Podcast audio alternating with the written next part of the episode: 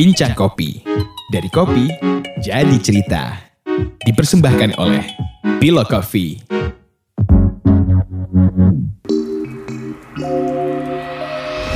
Selamat datang di Bincang Kopi bersama dengan saya Dian dan ditemani oleh operator Ibu Maria dan Bung Zaki. Eh, pada kesempatan ini kami mengundang salah satu eh, bisa dibilang ini ya pengusaha atau pebisnis kopi yang sukses. Eh, kedai kopinya juga menjadi rumah para juara yaitu Aston Utan.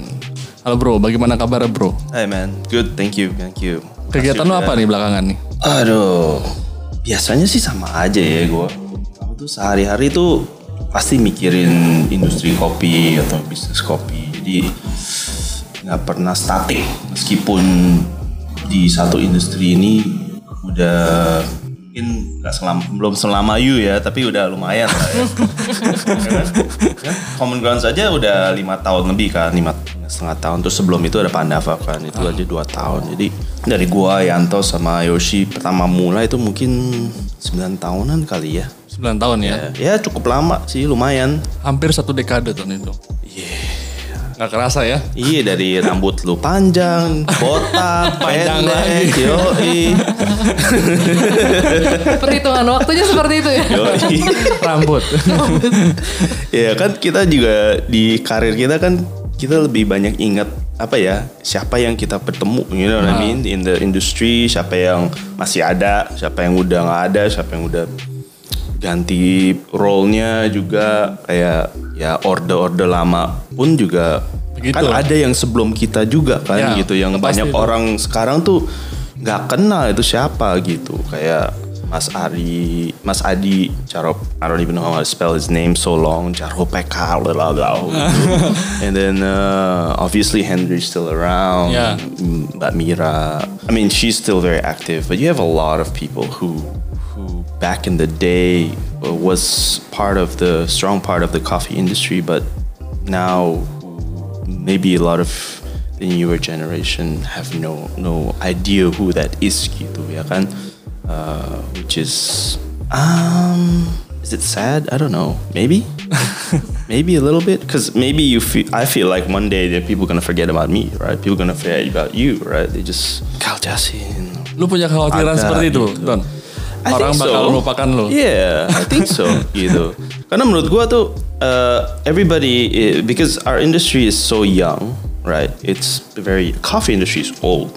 Specialty coffee industry is very young. Third wave, fourth wave, whatever you want to call it, still very young. Jadi dari our infancy until now juga we're like we were born like 10 years ago, pretty much, and then now we're still babies learning how to crawl, not even walking yet, right? That's how shitty we are still, right? Compared to the whole coffee industry or FNB itu kita we're still very very tiny, very small gitu. And in my experience tuh you need uh, uh, founders or you need key people or influential people to uh, carry and build and shape an industry. Ya kan?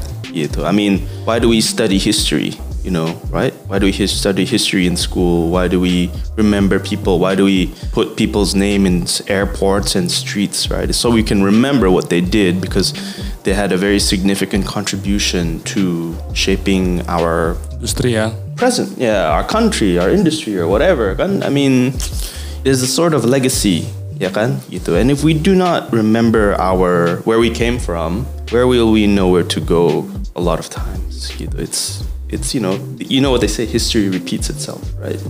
Lu sendiri pengen dikenang sebagai apa, Ton, dalam industri kopi ini? That's a good question actually. Uh, gue juga sempet sering Bertanya-tanya gitu.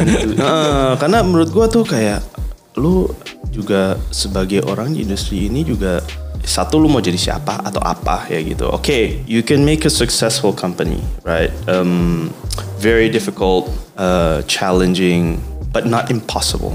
You can make mistakes. Everybody makes mistakes. We fucked up. We made mistakes, right? I'm sure you've made many mistakes, Yeah. right? Tapi yeah, you you you tend to find your place after so many mistakes seharusnya gitu, right? And then you learn from your mistakes and then you correct it and you do better. Gitu. That's the idea, and that's usually how it works. Gitu. But in my in in my experience you got okay, uh, the industry has given us a lot of things, and we also have to give back to the industry, dong. Ya kan because it's like, yeah, you build what this industry has built as well gitu. Lu ada kontribusi juga gitu. You're not just a lone ranger trying to you know be Superman and you know be the industry juga. That's impossible. You cannot achieve everything by yourself. So everybody has a role gitu meskipun kita competitors Okay. tapi tetap aja we all have a mission and a role to build the industry right? Because as we know the specialty coffee industry this building theme is uh, very uh, prominent. Maksud gua tuh lu mau ke negara apa that idea is there right? In the specialty coffee industry there's always this uh, drive or this mission to improve the industry and its producers, farmers, baristas, blah blah blah blah. blah, blah. stakeholder yang lain juga gitu ya. Exactly. It, it, it- lu kemana aja gitu. Hmm. Lu mau ke negara yang maju, negara yang nggak- belum maju, yang negara even di Afrika or in like Asian countries that are not as maju as kita. We have these ideals. We hmm. have this thing that we all carry together, right? Gitu. Because what we're trying to do is we're trying to edu- help to educate customers about better quality coffee.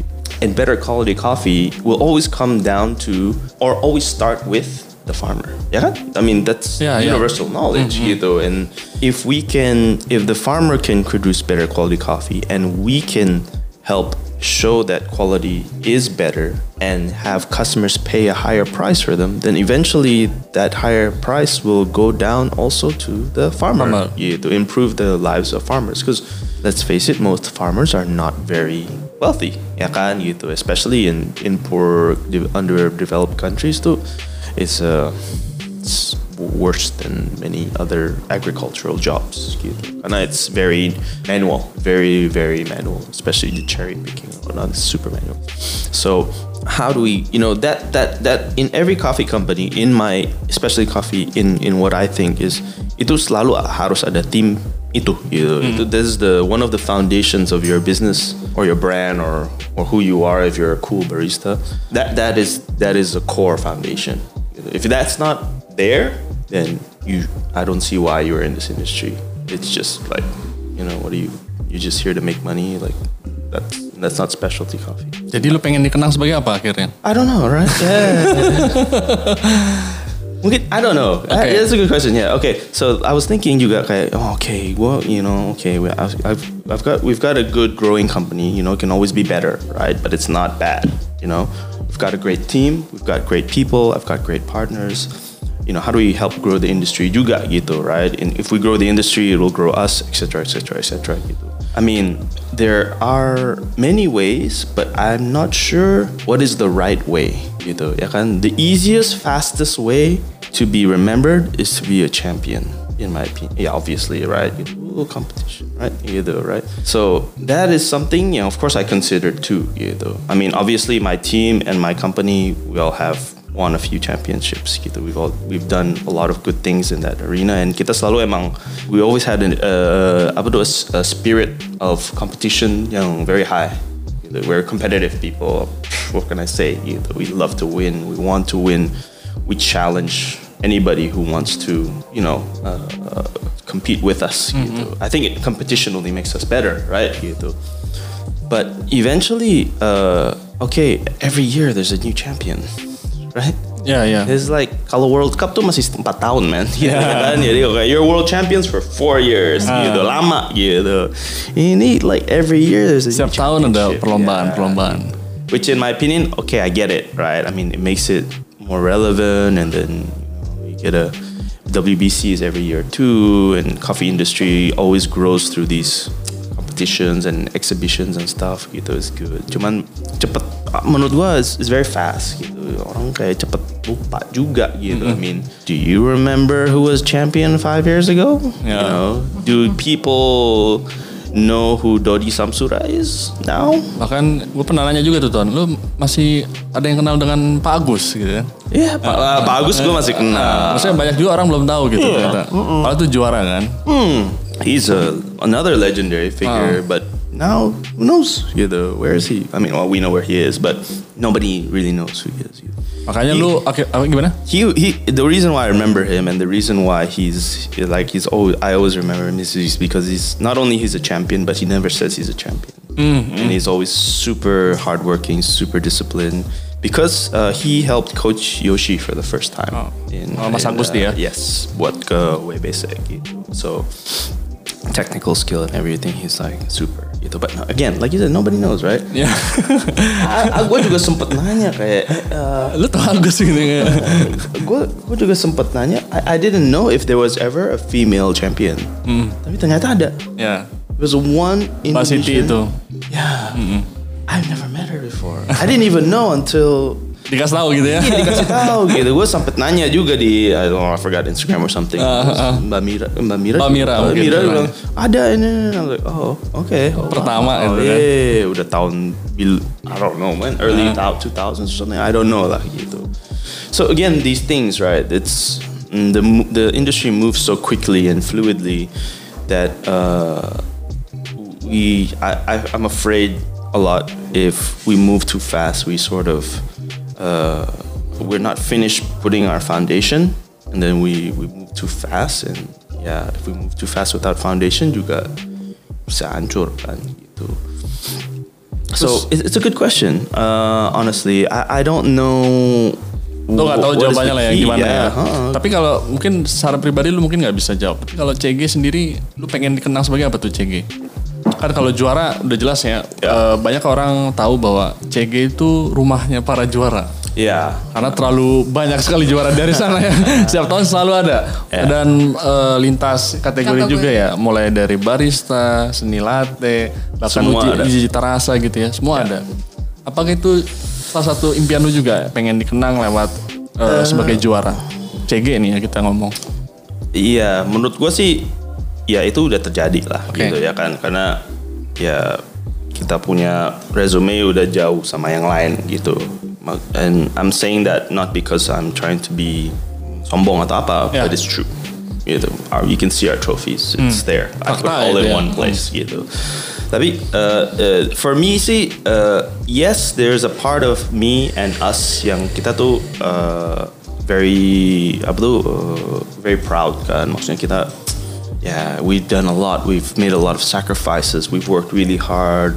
You know, we try to develop as many relationships as we can. We train very hard to be Bangun able to win, lah gitu to ya. win championships. yeah, uh-uh, training until midnight and banyak deh pokoknya we've done so many things to Yang lu korbanin banyak lah di tim banyak ini gitu, gitu ya. especially excuse me my partners Yanto sama Yoshi even more ya Hmm, kan karena mereka sangat aktif di di competition and coaching jadi there's so many things there cuman to be honest with you uh, the trophies primary uh, mm, value for us now ya sebenarnya all piala and prestasi and everything it's not for public knowledge sebenarnya. It's not like oh kita mau pamerin kita House of Champions atau apa gitu.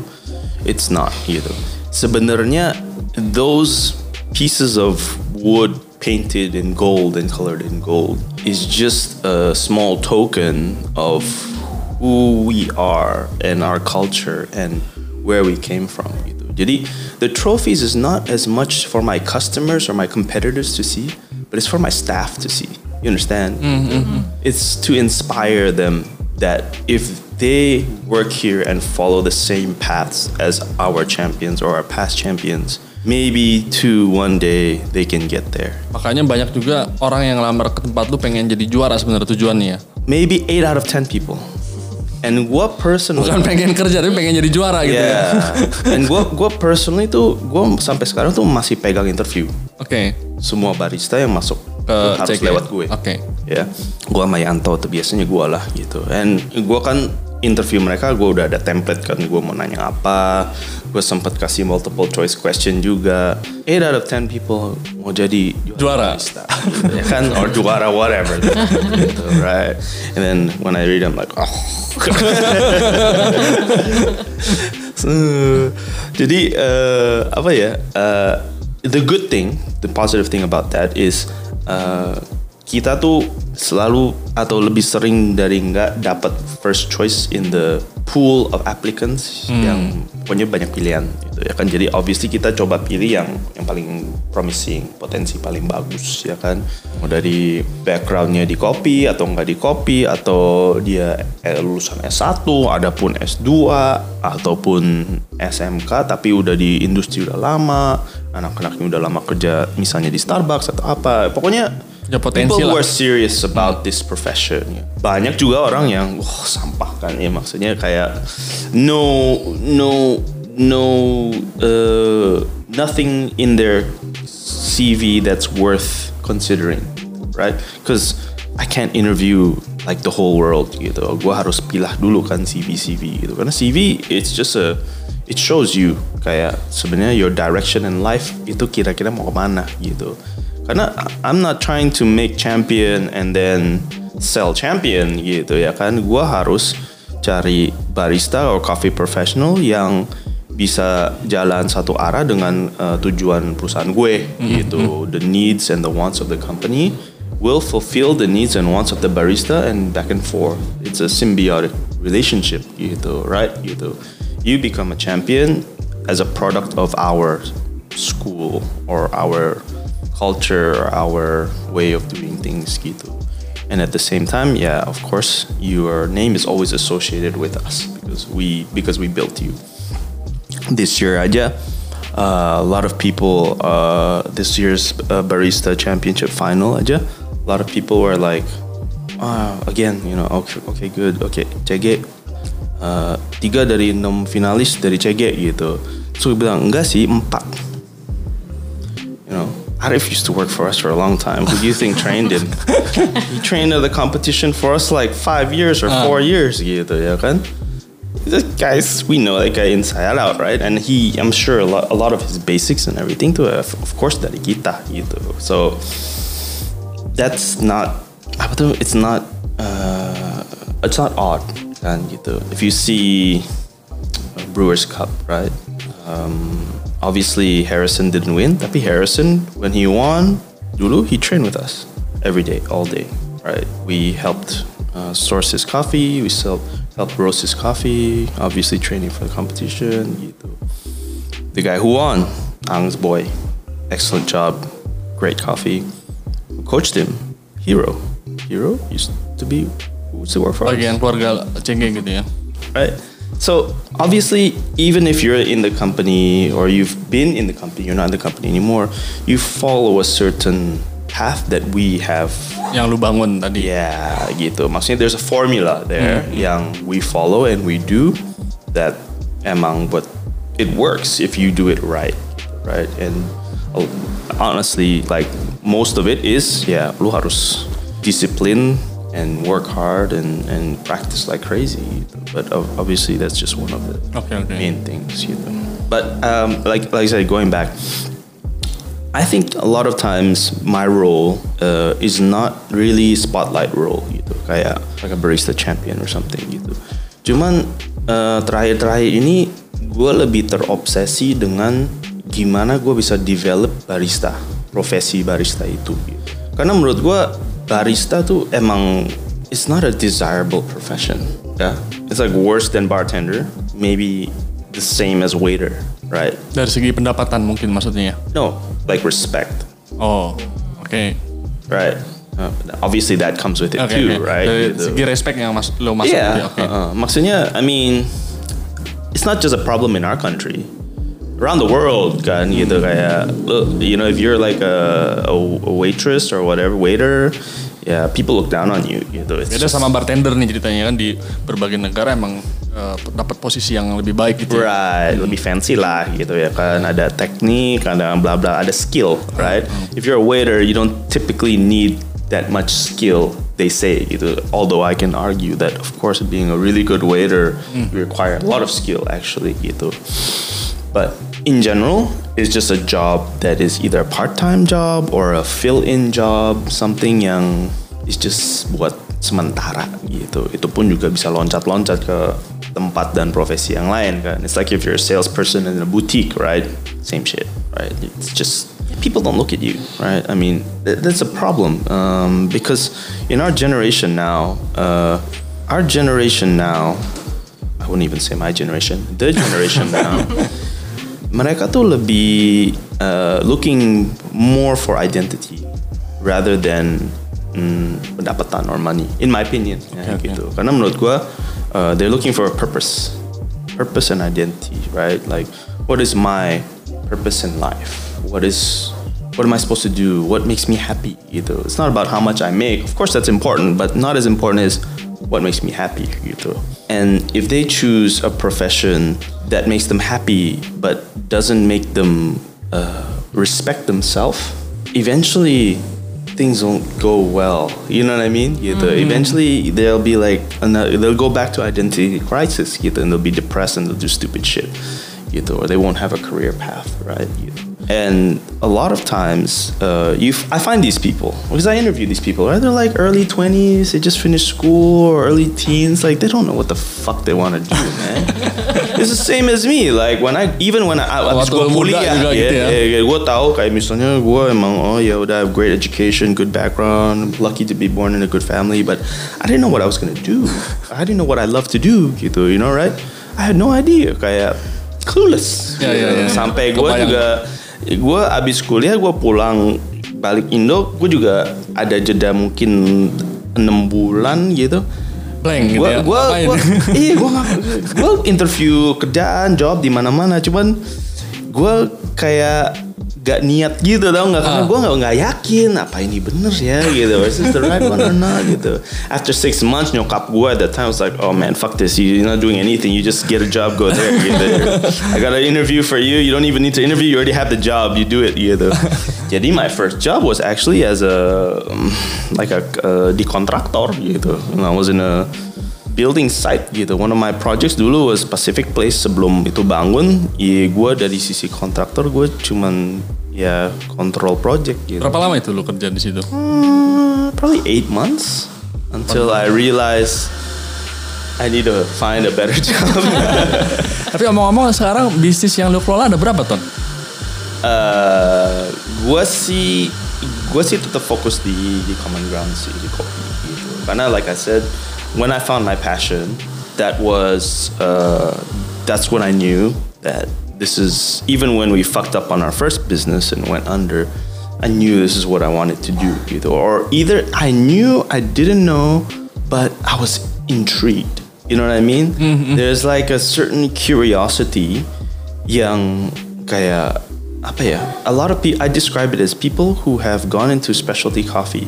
Itu kayak loncat ke jurang yang di bawahnya you don't know itu ada bawah Ada apa gitu? Ada apa dan lu nggak tahu di bawahnya tuh kayak jurang terus atau ada Atau ada ya berhenti gitu ya? Iya. landasan You gitu. literally just dive in. You don't even know what's what's like. You don't even know that you've dived in kadang-kadang. Iya, Kadang-kadang iya. you're just walking. Oh, Gelinding you aja gitu ya, gelindingnya gitu kan ngalir. Iya kan? Iya, contohnya ya a lot of coffee professionals yang misalnya they try to let's say make a cafe, which is the first thing that comes into mind, didn't work out. They try something else, but still they come back to coffee, but maybe in another capacity. You understand what I mean? Or coffee professionals as well. Tadinya jadi barista, udah merasa they learned everything. Maybe they could move on into another industry, but they can't. They end up in coffee again, just in another another capacity. Jadi roaster jadi apa mungkin yang. Exactly. Which is which is that that menurut gua tuh uh, if there's one thing certain about life, the good thing about specialty coffee is that you know what I mean. Like once you're in, it's very hard to come out. It's very difficult. So a lot of times when I hear about people yang keluar dari industry, it makes me uh, kayak bingung. You know what I mean? Kayak because as much like even if my business didn't do this well or somehow went under or something, I don't know if I could do another a business in another industry. You understand? Karena yeah, there's something about the, the the industry and the product that is just you cannot stop. Makanya selalu membuat Pandava, lu tetap lanjut gitu ya? Correct. So when we found so Pandava basically we ran for about three years kan, and bener-bener waktu itu tuh kayak ngasal abis gitu kayak bener-bener we didn't know what the fuck we were doing Kebayang gue maksud lo ngasalin tuh. Yoi, gue sendiri yang design that place kan gitu. We, I have no interior designer background. I have no interior background. I was like, ooh, this is kind of cool. Let's put that there.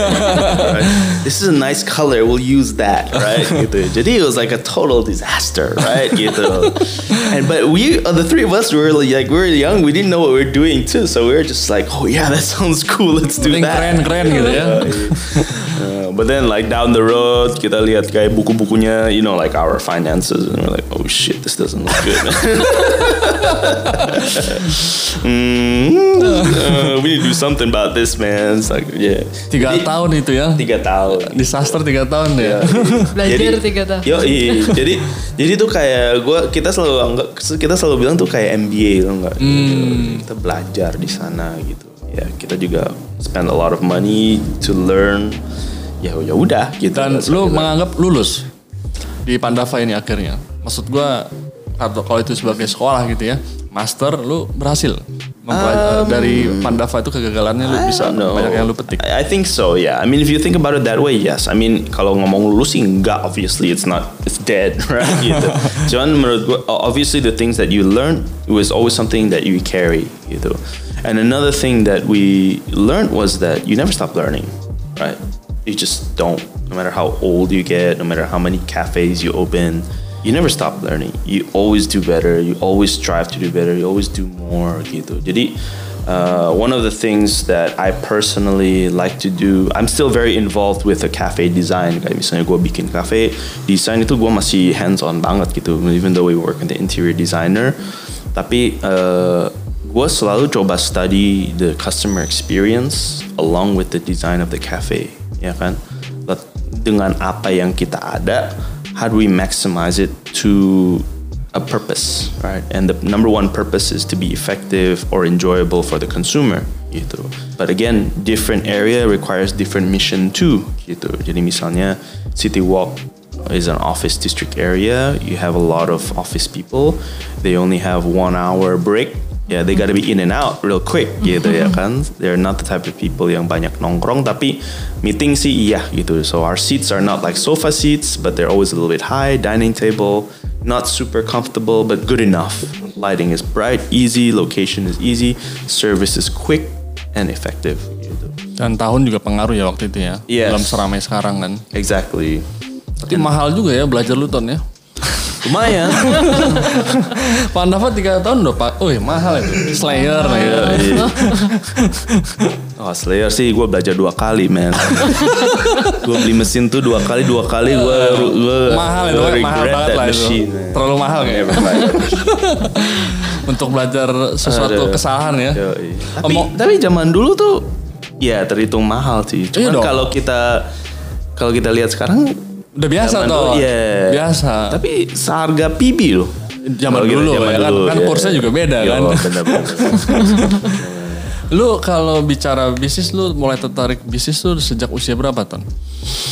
Eh, gue mungkin karena orang tua gue dua-duanya emang penguasa apa tuh business people right businessman jadi hmm, dari kecil gue selalu di groom ke sana Oh, emang udah Jadi- diarahin gitu. Iya, jadi gue merasa I never had a choice.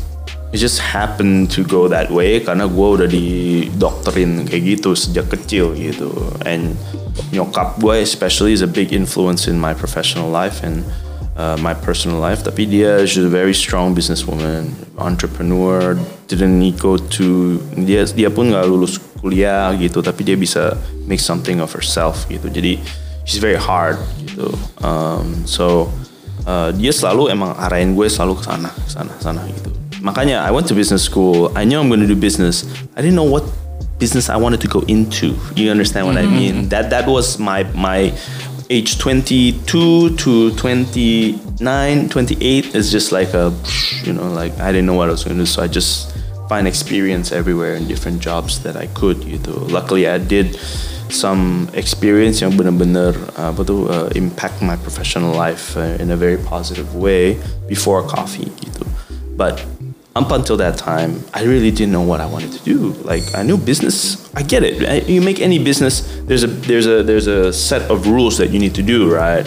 accounting, finance, marketing, operation. It all runs a very similar way. There's a structure to it. But finding your passion and finding what you want to do every day of your life is a different story. It's not like you can read a textbook it's like oh I want to do this gitu kan nggak bisa gitu you you have to sort of fall into it or sort of find it or sometimes it finds you yeah, I, I don't know it's it's it's not for you to decide sometimes sometimes it just happens by itself right Itu lu diarahin juga untuk meneruskan usaha keluarga waktu yes. awal-awal. Yes. Jadi eh, dari sisi bokap eh, dia one of seven kids, ya kan, siblings dan dari tujuh itu cowok cuma dua. So this is a very traditional Chinese type of structure family. Cowok cuma dua. Uh, my uncle for one reason or another does not work. Jadi my my dad yang ngurusin the family business gitu. And I am the only son from my dad gitu. Eh, cowok gitu ya. Yoi, Ah. jadi ya secara Mau nggak mau jadi penerus terah gitu ya. Iya, like kayak like Otomatis that, lah ya. Gitu. Uh, kandidat nomor satu kan. Ya. Cuman uh, because of uh, I found my passion in another business gitu or another uh, industry. Bidang gitu ya. Ya, jadi gua gua emang uh, gak tertarik menerusin bis my family business gitu. Respon ayahmu gimana tuh? Ah, Ada tentangan dong pasti atau emang tidak ada malah? I don't know. Sebenarnya susah dibaca kadang-kadang bokap gitu. Oke, oke. Agak, agak pasif agresif gitu kan. Enggak sih. Tapi dia sih dia sih menurut gua eh, dia oke aja gitu. Tapi Karena dengan bisnis lu sekarang yang kopi lu terjun di kopi ini orang tua dukung ton dua-duanya. Dukung. Dukung ya? Untung ya berarti. Iya.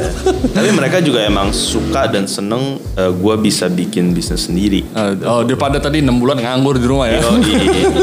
Ini lo ada kegiatan atau, gitu. iya, atau kerja sama orang lain Oke. gitu. Dia mereka tuh emang dari dulu arahinnya ke sana Oke, gitu. intinya kerja gitu ya, apa pun Ya, itu gitu ya. gitu.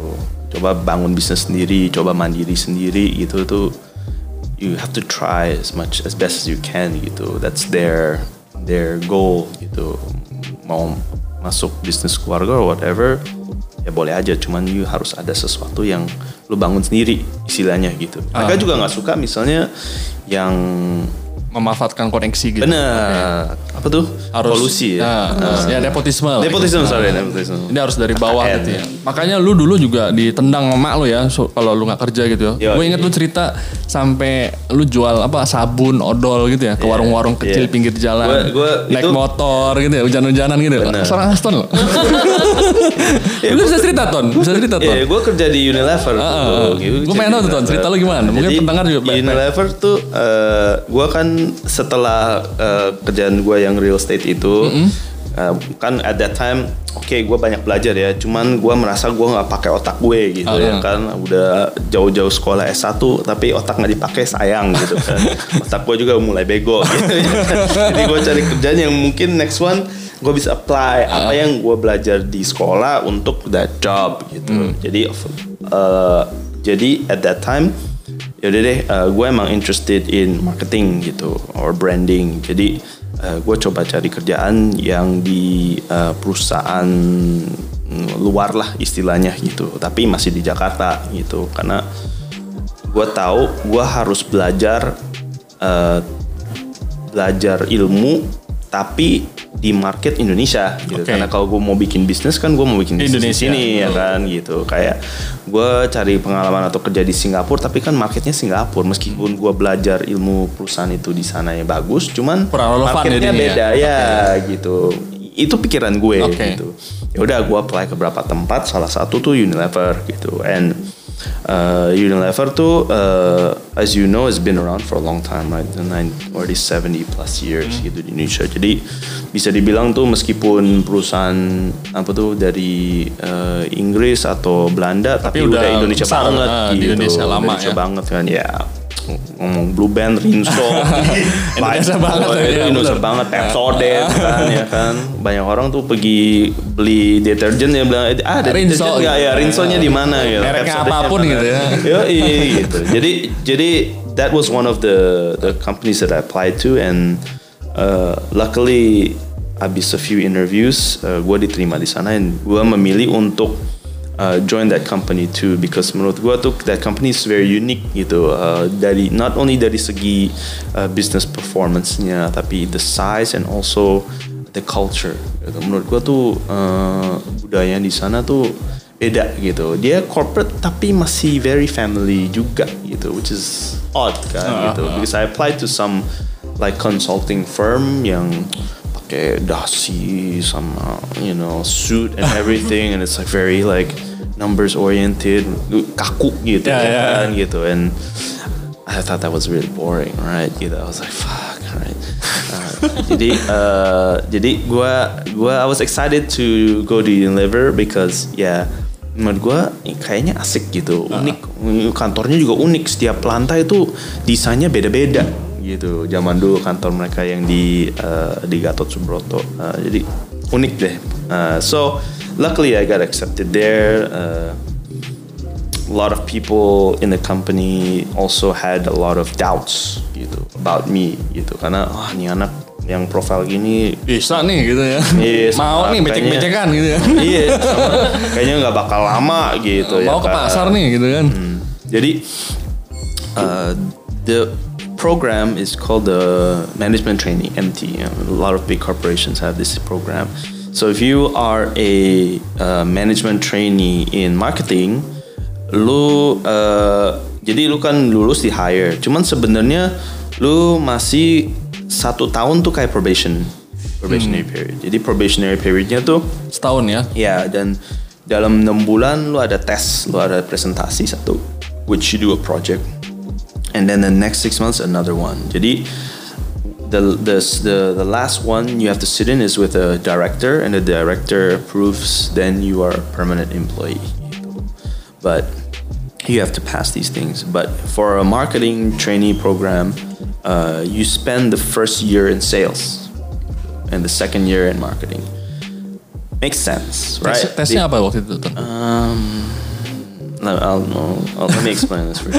Jadi that part is uh, lu kalau misalnya lu punya brand nih, lu pegang brand, ya kan, lu responsible to grow the brand, to achieve sales targets, to improve what people think about your brand. Ya lu harus tahu gimana jual produk lu dong Oh, gitu. Lu jangan misalnya duduk di kantoran setiap hari cuman nunjuk-nunjuk dan lain-lainnya kan Ya. gitu. Lu harus benar-benar tahu di lapangan tuh Bagaimana gitu ya? bagaimana dan persepsi orang tentang brand Merek lu lu tuh gimana? ya kan gitu karena ya let's face it uh, Unilever sells consumer good products right so it's mostly to people with uh, B or C uh, economic ya. status class gitu right yang pemakaian setiap hari gitu so we have to know gitu and most of the places that that we sell a lot of this these products is not actually uh, in the very urban area gitu a lot of it is in the rural area di luar kota gitu Sampai atau ke Bekasi bahkan luar ya? gitu. yeah exactly jadi it makes sense for the management trainees to get a lot of exposure on where we sell our products gitu. So my first year in my my year in sales itu dibagi du- uh, dua sesi gitu. Uh, satu di uh, general trade.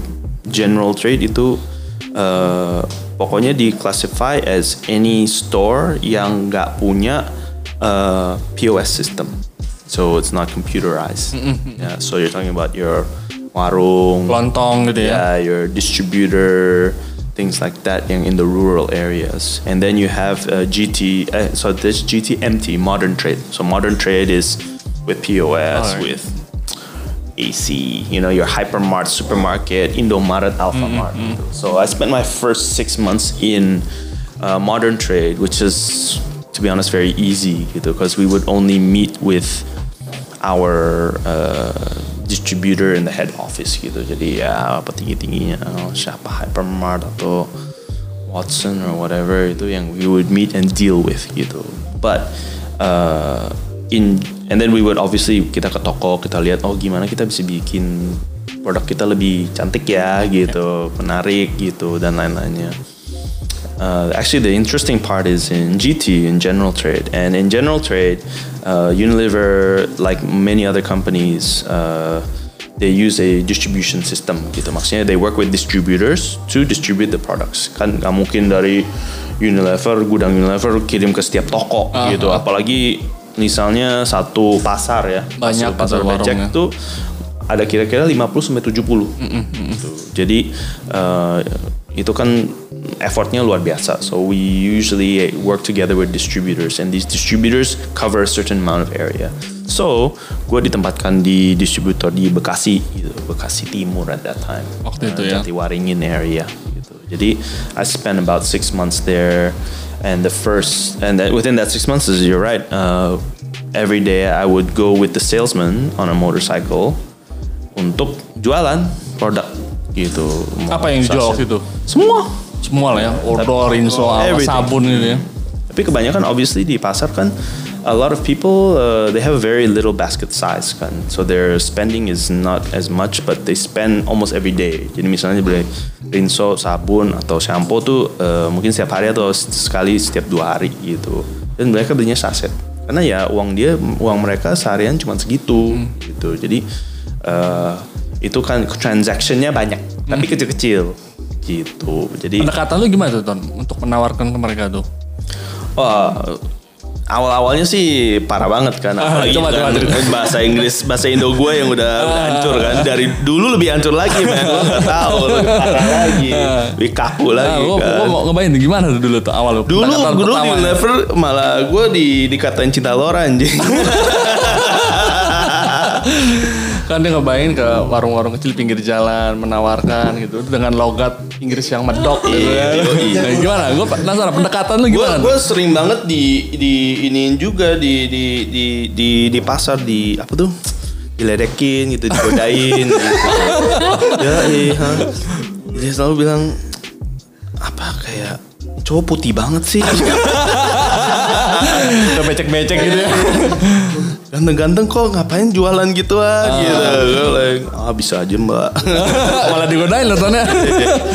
Eh, jadi eh, seru sih waktu itu. And eh, ya gue juga gue tahu this was gonna happen. And gue ambil this opportunity. A lot of people just saying ah dia mana mau? Atau kayak bla bla bla bla. Karena pernah terjadi dulu juga orang with my background disuruh do this and then oh, Nyerah gitu ya. bukan bokap nyokapnya kau ah gila Oh, anak gua disuruh jualan bla bla bla di setuju pasar gitu ya. udah Ah, jauh ah. gitu Heeh. terus gue cerita nyokap dong gitu nyokap bilang bagus Malah bilang bagus. gitu oke mah gimana lagi mau dapat pengalaman kayak gini gitu Oh, iya, bener, bener. juga sih Eh, jadi eh, Jadi malah nyokap malah dukung banget gitu ya. dukung dukung karena nyokap gue itu dia mulai dari nol kan Oke, gitu. oke. jadi menurut gue menurut dia tuh ya nih anak tuh harus yang udah grow up very comfortable very nyaman ya harus mulai experience life right Hmm. gitu life is not how you grew up life is something very different gitu so that's that's a big reason why uh, I am who I am today because of that experience too Itu uh, ngebantu lu banget ya. Iya, kan menurut gue dulu gue juga lumayan. Gue I'm not, gue bukan orang yang yang apa tuh, yang yang sombong gitu. Gue merasa gue orang yang juga sebenarnya bisa mix sama banyak orang. Gue bukan orang yang Tertutup lah gitu. uh, iya dan gue bukan orang yang con- uh, very confrontational or whatever. Gue lebih pasif gitu. Uh, cuman buat gue that experience made me even more humble, even more down to earth. You understand what I mean? That's why when I see baristas today, uh, when I see baristas today, uh, you know, and they come from obviously a background that is not as good as mine, and they're not luck- as lucky as I am, but I went through more effort in my previous job and life than them. That makes me uh, want to push them very hard, because if I can, if somebody like me can do that. Ya harusnya lu juga Can lebih you- exactly gitu ya kan maksudnya I'm not desperate right but I work hard you're desperate you should work harder than me right? I mean, that's the logic, right? If you want to move in life, lu mau maju ya, you gotta work for it, man. Nobody's gonna give it to you, right? You can you can find the right place to learn and the right place that will give you the right opportunities. But if you don't take that opportunity, then you got only yourself to blame. You understand? Gitu. Bahkan lu dulu juga nawarin ke warung juga kayak nggak langsung "Eh, Pak beli ini nggak gitu ya kan kalau eh, modern market lu juga lebih enak ngomong tapi kalau yang ke Yeah. bawah kan lu kayak bagaimana kabarnya Pak? Yeah. Anaknya gimana? Banyak sekali. Lama ya, nggak langsung ya kan. Bener, small talknya tuh penting banget. Bisa cerita tuh gimana tuh? Nah itu itu gue very fortunate sih karena waktu gue di general trade itu eh, gue jadi di dalam hidup gue waktu masa kerja gue especially di Unilever itu gue ada beberapa eh, orang penting di hidup gue yang kayak mentor ya jadi eh, mereka tuh kayak bos gue atau nggak langsung secara langsung bos gue tapi mereka has a Mentor big, lo kayak big gitu ya? impact in my life and how I'm shaped professional excuse me professional nah di Unilever sendiri eh dia ada satu eh, salesman yang Arya. Eh, dia uh, eh, terkenal banget karena dia udah lama banget kerja di Unilever gitu. Eh, namanya Bapak Suparyono. Eh, dibayang lu bayang aja dengan nama yang kayak gitu kan orang Jawa dan udah udah lama ya hampir 30 tahun di Unilever. Hmm, 30 tahun di Jadi Unilever. dia dari orde zaman dulu dengan Lintas lintas ordo lah itu. Makanya. mengalami eh, Rezim, apa, rezim. ah, rezim berapa kali ya. Heeh. jadi eh, dia tuh dikenal sebagai one of the most original and old school salesman. Jadi sebenarnya dia dia bukan tipe manager sekarang yang lebih reliant on data, teknologi, bla bla bla gitu, agak old school. Cuman with that type of old schoolness, dia pinter banget ngomong sama orang. Dia pinter banget membangun Merebut hati relasi. orang gitu ya. Yeah, dude. Oh my god.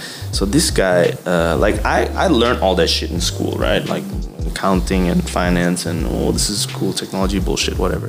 But the original uh, essence of becoming a salesman is being able to relate to another human being. If you want to sell something to somebody, you got to make a connection with that person, right? Because if you're a good salesman, you know, you can sell a donut, a risol, a water.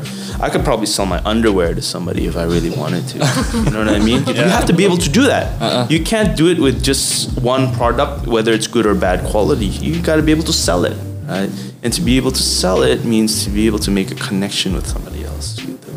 And unfortunately, that's a lot, a big thing. A lot of baristas nowadays they lack. Hmm. They lack, you know. And they always say, oh yeah, kan orang Jawa lebih sungkem atau lebih kayak nggak enakan gitu. You can't do that, right? You, not not not where you work, where you're trying to sell a product or you're trying to sell a service. Like that is supposed to be beyond. You have to get beyond that. Gitu. You have to be somebody else. You have to sell a product. Gitu. Because I'm sure if you're a salesman, you know, when you come home and you're not working, you're not trying to sell anything, or you just want to shut up maybe and just sleep. Gitu. Hmm. But when you're working, it's sort of like you have to put on a different face, a different mask, right? Because that's your job. That's what you have to do. Now, for him, it came very naturally. So for him, he was such a natural salesman that it became his personality and his job. But uh, it's amazing because uh, so in ja- in uh, Jakarta, sama Greater Jakarta area, there's uh, the whole area is divided into two in terms of the sales. So there's West Jakarta and East Jakarta, and itu kan outside Jakarta juga kan, like Bekasi sampai Kerawang itu masih east gitu, and then the West is like sampai what is it Banten, yeah exactly. So out of uh, he he was so legendary that uh, and itu itu kan kanvasnya bisa jauh dan lebar kan Waktu itu ya, Uh, canvassing terus lu. pasarnya tuh banyak gitu ya kan it's not just one right not just in the city but out there tuh banyak juga Tadi pasar satu pasarnya kan. 70 lu bilang kan sa- satu Iya, and itu pun udah ratusan pasar di area Ah, ah, dia ah. kan. Jadi Kali you can imagine how many stores, right, or how many warung gitu. Nah, itu well, it's well known that dia tuh di, di setiap pasar tuh tahu nama dia. Pak Suparyono ini gitu ya. That's how legendary he was gitu. And I would follow him around and see how he would, you know, keep relationships, right? Very simple. Very simple. Number one thing he would always ask first is, uh, he one he would usually remember their name, and then two he would be like, "Ah, keluarga kayak gimana, gitu, baik sehat semua. That's the number one. So the, everything that always we have in common with every human being is always family. And when you touch about when you touch upon or ask somebody about their family, that means you kind of generally sort of care about them, right? It's not necessarily you, but it's your family. Because if your family's healthy, you should be fine too, right? And family relationships in the Javanese Indonesian culture is very important, right? We are family unit, family type of people. So that's one of the tricks that he would do. And then eventually he would ask a few more personal questions and then ask about "Ah, jualan produk Unilever gimana, ini gimana, apa yang bisa kita bantu, bla bla bla bla bla bla. But his demeanor would always be very cool, very calm, uh, kind of like that cool dad or cool grandpa vibe, right? Gitu. But he would be like, you know, he would never show panic. He would never show anger. Even if one of his uh, managers would do something wrong, dia selalu mendidiknya secara kebapaan banget. Oke, oke. Jadi I learned a lot from him. Itu yang akhirnya juga mempengaruhi karakter lu ya dalam membangun Exactly. bisnis gitu ya. Yeah. Ini mungkin ada pengaruhnya dari nama common ground yang lu pilih itu. Uh, to be honest with you, no.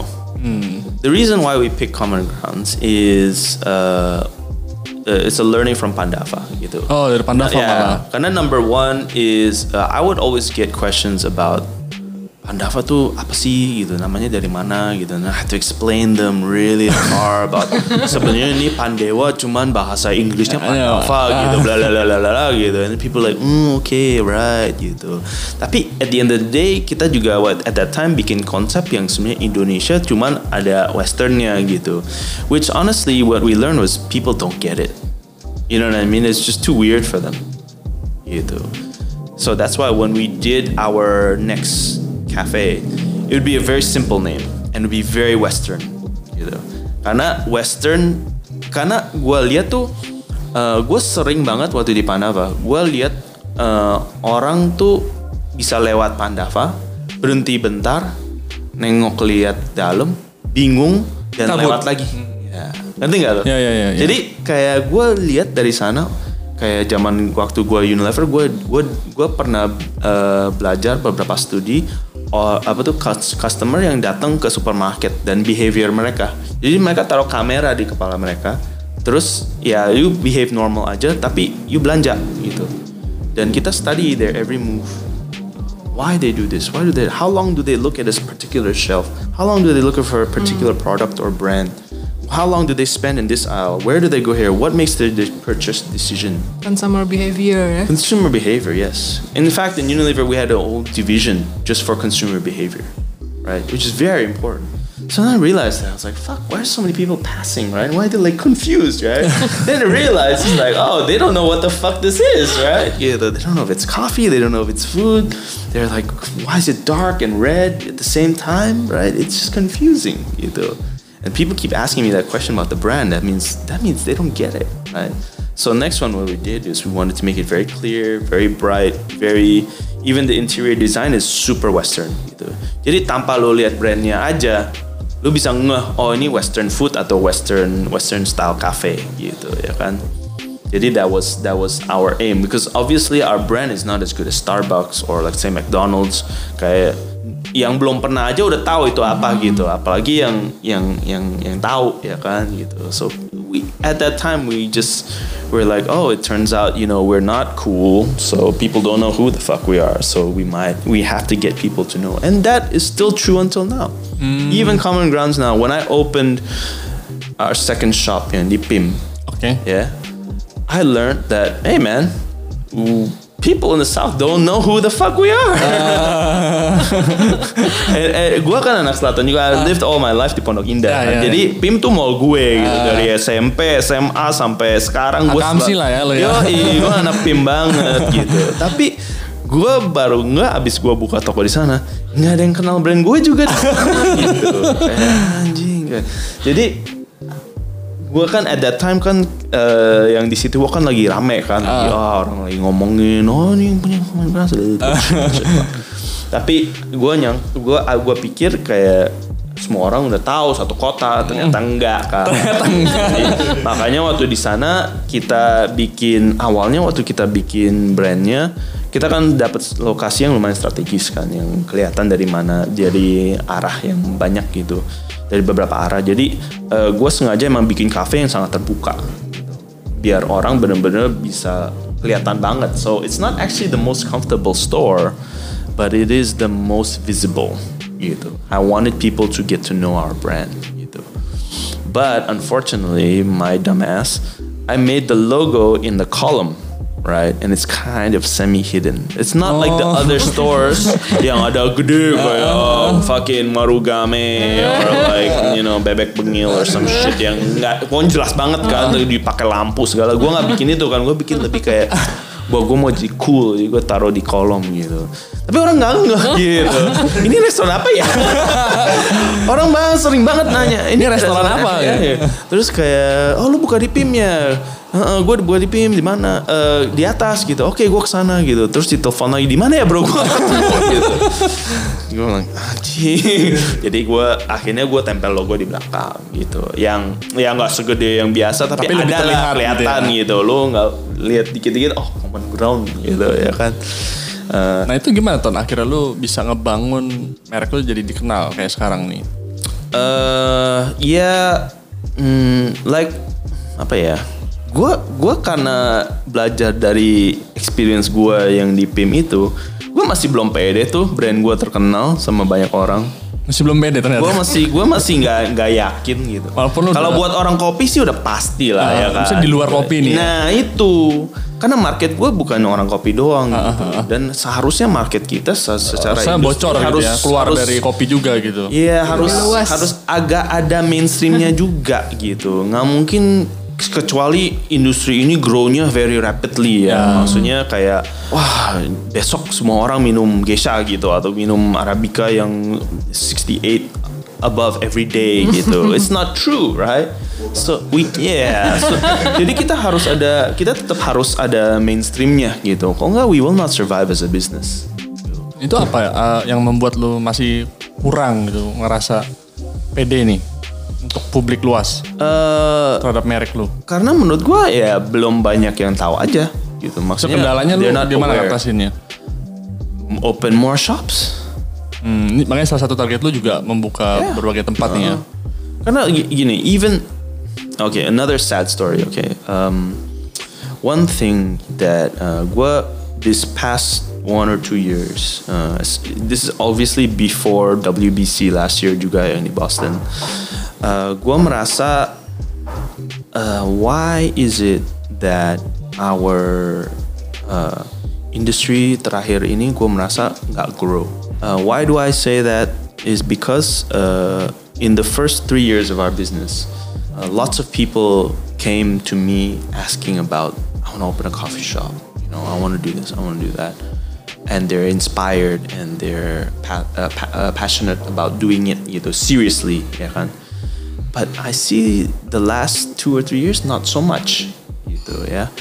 And then gue juga notice uh, di kompetisi uh, kan selalu ada apa tuh ada fairnya gitu kan di local ini di IBC. Gue notice the past two or three years tuh yang datang sama-sama aja orangnya, nggak menambah. The first few years tuh exciting, lots of new people, Banyak people wanted gitu. to find out, people wanted to to explore gitu. Cuman Lama-lama orang itu lagi ya. Same people, man. 4L ya, lu lagi, lu lagi. Exactly. Which is not good. Not good. That means our industry isn't growing. It's not attracting more people. You know what I mean? Gitu. And I'm not just saying the money side. I'm saying the passion side, right? Money side pasti ada aja gitu. The passion side is becoming less and less. That's why it became very alarming to me. Lu lihat juga yang kompetisi juga sama aja, man. Nggak, not much difference. It's not good. That's not a sign of growth. Ngomong-ngomong soal kondisi tadi itu ya, berarti lu punya pendapat nih tentang perkembangan kopi spesial kita di Indonesia. Seingat gue juga sebelum apa berapa waktu itu lu juga sempet eh, cerita ya di story soal fenomena es kopi susu itu ton.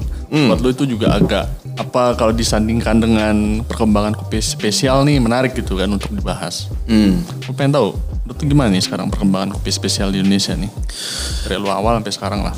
eh, di tiga tahun pertama menurut gue tuh uh, very exciting ya growthnya passionnya people-nya juga uh, very conducive ya jadi even at that time juga banyak yang suka sharing banyak yang suka ngumpul terus uh, pokoknya people were more open and people more open minded juga gitu about the business and the industry gitu. Tapi like like you said gitu it kind of stopped after that for some reason or another like people were not as interested as they were before of course ada aja ya gitu cuman not as much as it used to be before nah if you're if we're saying that people decided to invest their money not in specialty coffee but in Escopi Susu, I couldn't care less. Right? Because in my opinion, people who decide to go into that business, honestly they don't really care about specialty coffee. They just want to make money, man. They don't really give a shit. Right? Right? Because the essence of specialty coffee is uh, purity right? We um, yes, we have cappuccinos, we have lattes and stuff like that, but we generally don't mix much more than that. Either usually, right? We try to portray certain flavors and certain origins for their uniqueness, gitu ya kan? Uh, and enjoy a beverage that is made with precision, right? Gitu. So the only person that sells Escopi Susu that really cares about coffee is uh, Theo. Tuku ya, Tio ya. Because he, he, for me, in my opinion, is one of the uh, most interesting and uh, uh, one of the guys I respect the most in the industry. Because uh, I've met him a few times, I've done some talks with him, and he has always got the same message, you know, and he's always talking about the same purpose. And his his story is that he sees he, he sees es kopi susu as not like a money making phenomenon, but as a gap filler between the traditional Indonesian coffee drinker to specialty coffee drinker. Gitu. And he's never said that he wants to rule the world with es kopi susu. Malah he's the bridge. Nah targetnya nanti ada yang lain gitu Correct. ya. Gitu. But he wants Jadi to lu make- sebenarnya gelisah juga nih Ton atau resah dengan perkembangan es kopi susu ini sebenarnya. not in terms of the money they're making, but in terms of the, the message that they're sending. You see? Kualitas ini ya yang dibangun Yeah. apa? Oke. It is bringing our industry backwards in terms of what our customers are consuming. Berarti menurut lu es kopi susu ini malah membuat kita jadi mundur. As a coffee drinking nation, yes. Oke. Right? Because what we're trying to improve the palate and the quality and the tuh, uh, in, in being able to charge more for a more craft or premium product. This is going backwards, right? So it's becoming cheaper Tadi dibilang sepuluh ribu gitu ya. and with promo like almost free. Cashback gitu. Oh, satu rupiah. Ah, ah, bahkan sampai satu rupiah. Oke. Next door to City Walk, there's a f- right. Once a week they have promo satu rupiah. Bakar Right. uang. right, right, right. And and yeah, yeah it's, it, it's not like they're stealing my customers. Of course, they are a little bit. Cuman people who come to Common Grounds, they're willing to pay money for a better cup of coffee, gitu, for a good cup of coffee, right? Cuman what you're doing is you're cheapening a product, right? You're cheapening a product. It's like there's the same dude that does your job, but he'll he'll do it for one tenth of your price. How do you feel? you understand what I mean? Uh-huh. It's like, oh, you're actually worthless. That is the problem. The image that's being molded into the consumer is that, hey, why are you paying so expensive for this product when I can give it to you for free? Ultimately, as a whole, coffee is going back to being cheap and commodity. Do you understand? That is the problem. Ya gue pernah tuh lihat di YouTube orang bilang kan ada tuh kopi ya mesinnya kan mahal tuh ya pakai Black Eagle kalau nggak salah ya Yeah. itu ada yang komentar eh, di YouTube nih kopi itu kelas bawah katanya dengan mesin seperti itu gitu loh jadi emang bener juga ton maksudnya citranya jadinya dianggap rendah gitu citranya ya jadi padahal investasi lu gila-gilaan itu tapi dianggap rendah di di benak eh, apa eh, peminum gitu Itu jadi itu kegelisahan lu salah satunya itu ya. Jadi selain kualitas jadi terganggu, terus citranya gitu gitu ya. menurun ya. Jadinya I mean, like, if people ask me, is it affecting my business? I'm like, I think ya pasti ada lah. Gitu. Cuman I'm not worried about it as my business. I'm worried about it for our industry, right? If it's affecting my business a little bit, imagine it affecting other cafes. I have a I have a very good benchmark on on the coffee business. Why? Because I have a lot of cafes in different areas and they're usually prime areas. So the performance of my cafes and my businesses, and I know the numbers and I can tell easily by walking into a cafe how much money they make a day. It's easy. I, I, do it, right? I know because I've been through all the numbers. I've seen the patterns. If what we are doing, which we are doing good, we're not doing great. Like we're not like millionaires. We're not doing bad. We're doing all right. We can do better. But if we're just doing all right, how much are other people doing? They're doing much worse. That's not good for business. That's not good for our industry, right? Because in our industry, we invest a lot of our time and money for quality. And if a business cannot keep up with that qual- with the revenues and the, they will not maintain that quality. They'll cut costs, right? And it, once you cut costs, Ya kualitas akhirnya pertaruhkan yeah. gitu ya. And then quality and perception. Customers will come in there and you tell them, oh, this is the best coffee, right? Padahal it's like a below 80 or a Robusta blend or whatever. this is the best coffee. And they don't know better. They go, oh, yeah, it's good. Eventually that pulls our industry down as a whole. Everybody. Everybody goes down downgrade everybody goes down. You see? So this is the problem. We already facing that problem, right? Because the coffee industry is a tough industry to be in. Apalagi now you've got pressure from the back.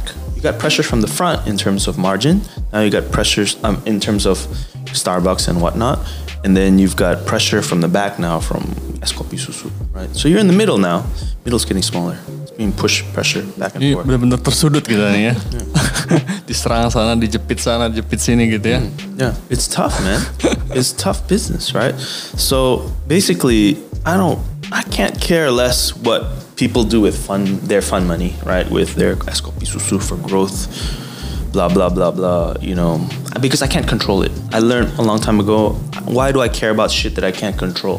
Right? Ngapain is wasting my time, right?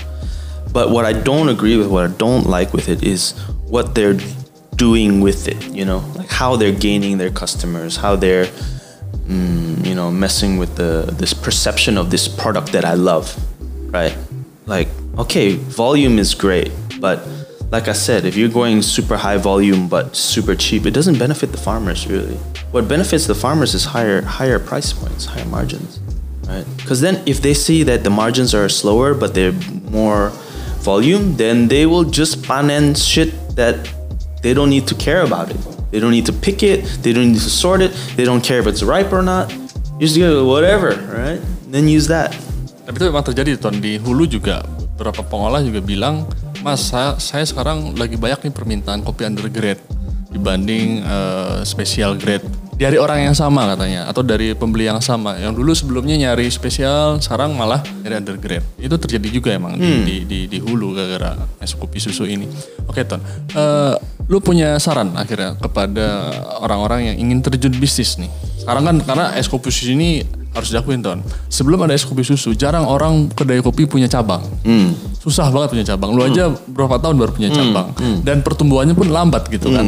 Diba- lambat dibanding dengan yang fenomena es kopi susu ini gitu ya, sampai ada puluhan ratusan padahal mereknya juga baru gitu.